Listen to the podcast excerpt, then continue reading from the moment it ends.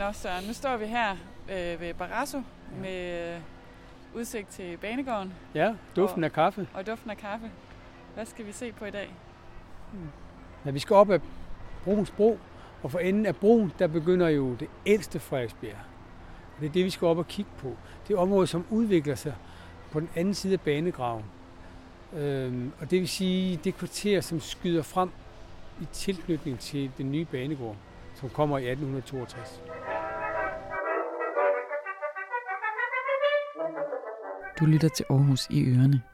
I det her afsnit tager vi dig med på en gåtur på Frederiksbjerg. Fra Banegårdspladsen i Aarhus, igennem Jægergårdsgade og forskellige sidegader, og hele vejen op til St. Pauls Kirke. Det er en historie om barske jernarbejdere og et fattigt område langt uden for byen. Mit navn er Lene Grønborg, og med mig på gåturen har jeg stadsarkivar Søren Bits Christensen.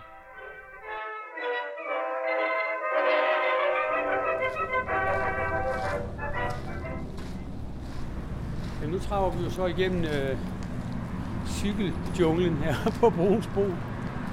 Nu der er lavet cykelparkering i to etager. Det er jo sådan forholdsvis nyt. Det er vel 10 år gammelt. Og før da, der stod cykler. Der stod der bare cykler overalt her. Nu er vi så kommet over broen. Den er jo ikke så lang. Nej. Men det betyder så også, at vi er gået over banegraven. Altså der, hvor, hvor togene kører. Og Aarhus har faktisk en meget smuk banegrav, men det kan man jo ikke se, fordi man, det er jo kun lokomotivføreren, der kan se udsigten igennem banegraven. Det er jo rigtig ærgerligt. Men når man kommer til Aarhus, så kører man jo igennem sådan en nedgravet banetunnel næsten, eller ja, banegrav, øhm, som lå der fra naturens hånd, men øh, er blevet gjort meget større ved menneskekraft.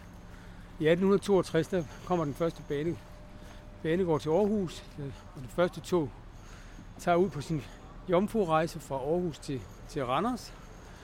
Og det er startskud til en kolossal udvikling øh, for Aarhus, fordi Aarhus kommer til at ligge midt på jernbanenettet for hele Jylland.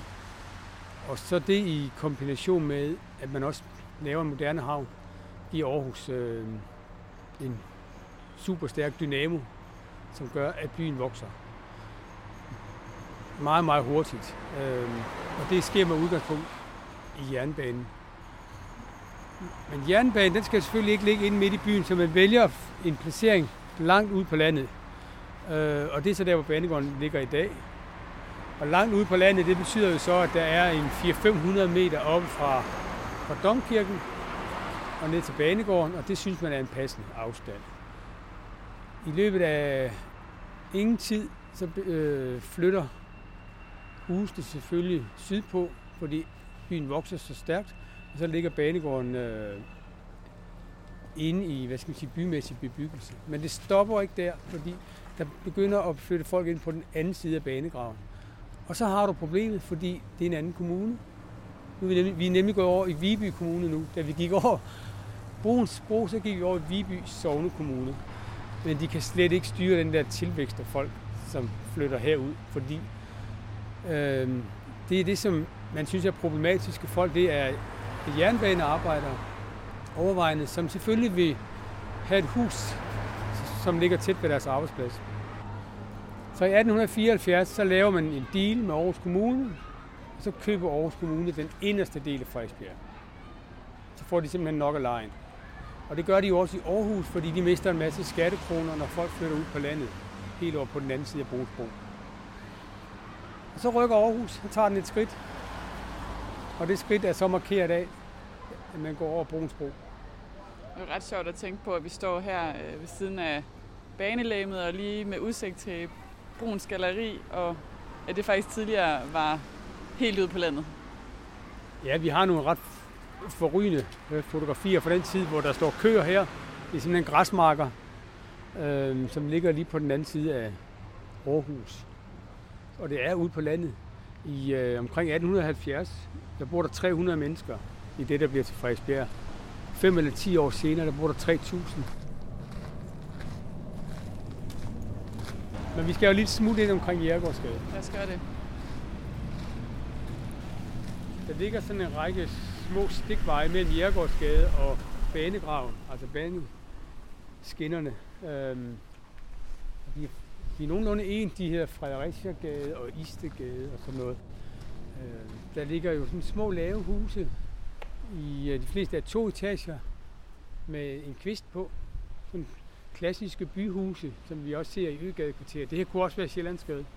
Det er de samme type huse. Og de er jo meget eftertragtet i dag, øh, men er jo opført som noget meget hurtigt, næsten spekulationsagtigt byggeri i 1860'erne og 70'erne til de første generationer af folk, der flytter ind. Og det er jo arbejder på oliefabrikken og, øh, fra DSB, og så er det håndværkere, der flytter ind her. Oprindeligt har de jo stået i røde mursten, og hvis du banker dem af, så vil der jo være mursten inde bagved. Ja. Men det her, det er det ældste Frederiksbjerg, de her gader, de er de allerældste. Og her har jeg så typisk boet i sådan et hus. Når man står nede på gaden og kigger, så er der ja, de her to etager. Der er fire vinduer, der har jo boet to-tre familier derinde. 20-25 mennesker i hvert hus.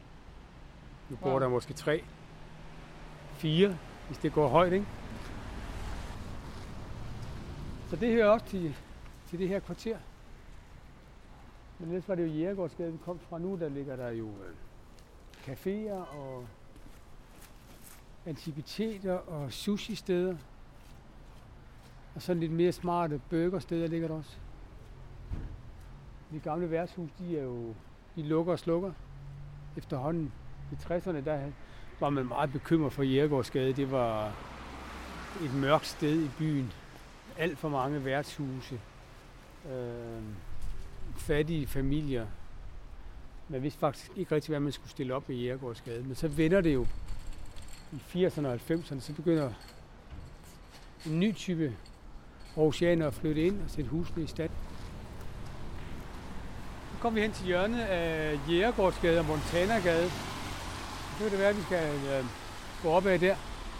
Der har vi så et øh, eksempel på, at man har bygget nyt i kvarteret. Det er nemlig, du kan være sikker på, at det udløser noget, der ligner en øh, stille borgerkrig, hvis du vil bygge nyt i det her kvarter.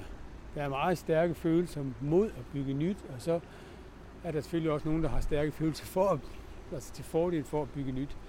Øhm, man taler lige frem om Frederiksbjerg-processen, eller Frederiksbjerg-principperne, som er sådan en særlig sæt spilleregler for, hvordan man kan inddrage alle interessenter og høre alle stemmer, når der skal bygges nyt i et gammelt kvarter. Og det var blandt andet udløst af de, de, de der Montana-gadebyggeri, vi står og kigger på nu. Og det handler om, hvor højt må det være, og hvad skal det være i det, og øh, hvilke materialer må man bruge.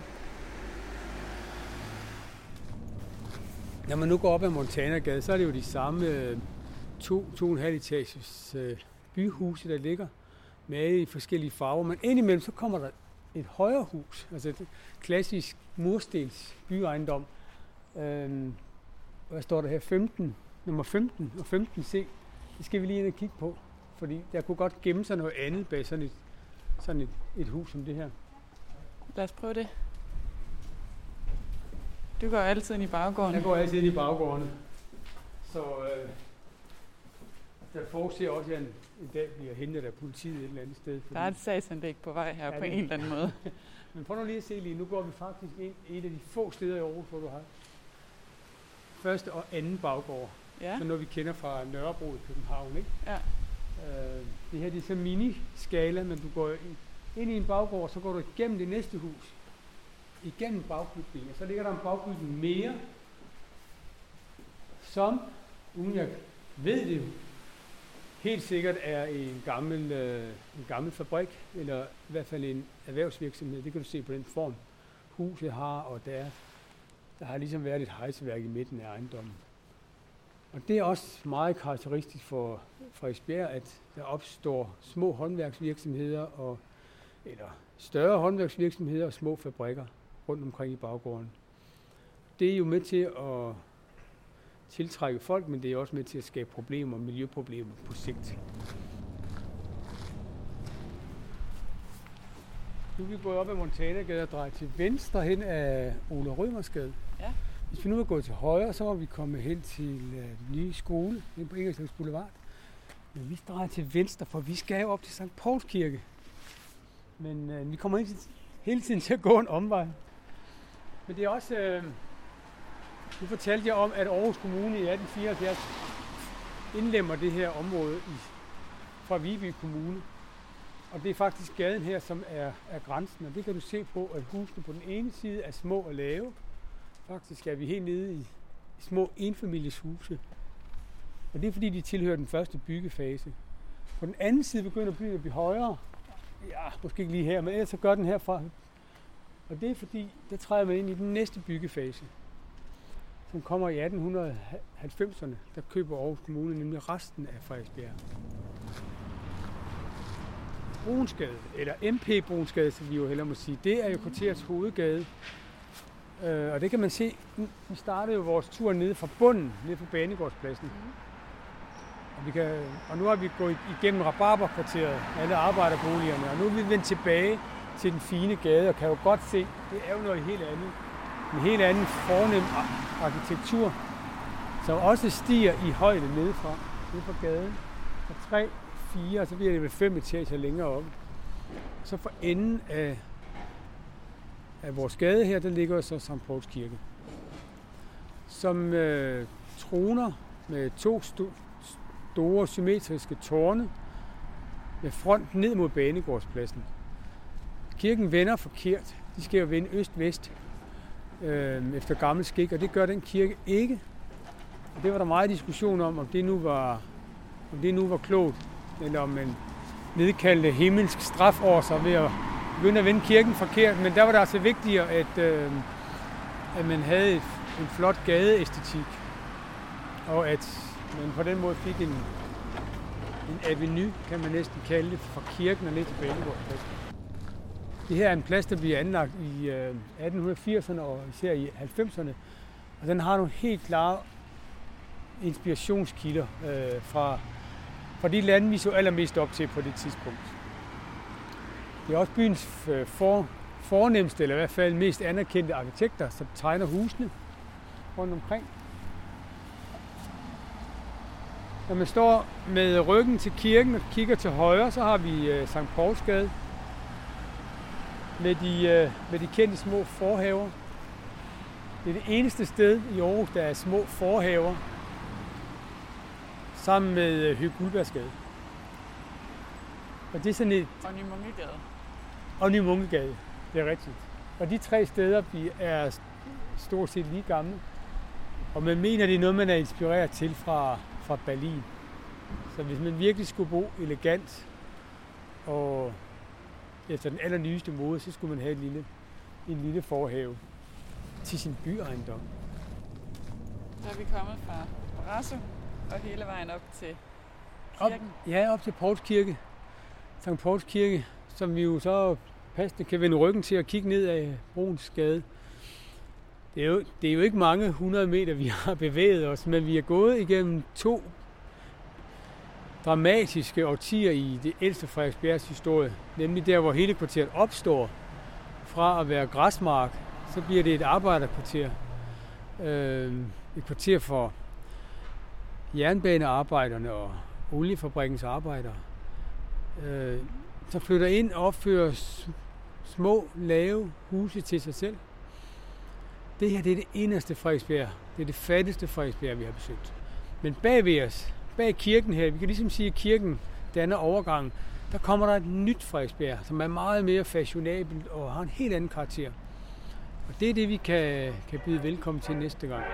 Det snakker vi mere om næste gang. Du har lyttet til Aarhus i Ørene og historien om det ældste Frederiksbjerg. Podcasten er produceret af Lydland i et samarbejde med Aarhus Stadsarkiv, og den er støttet af Aarhus 2017's pulje Off Track. Tak fordi du lyttede med.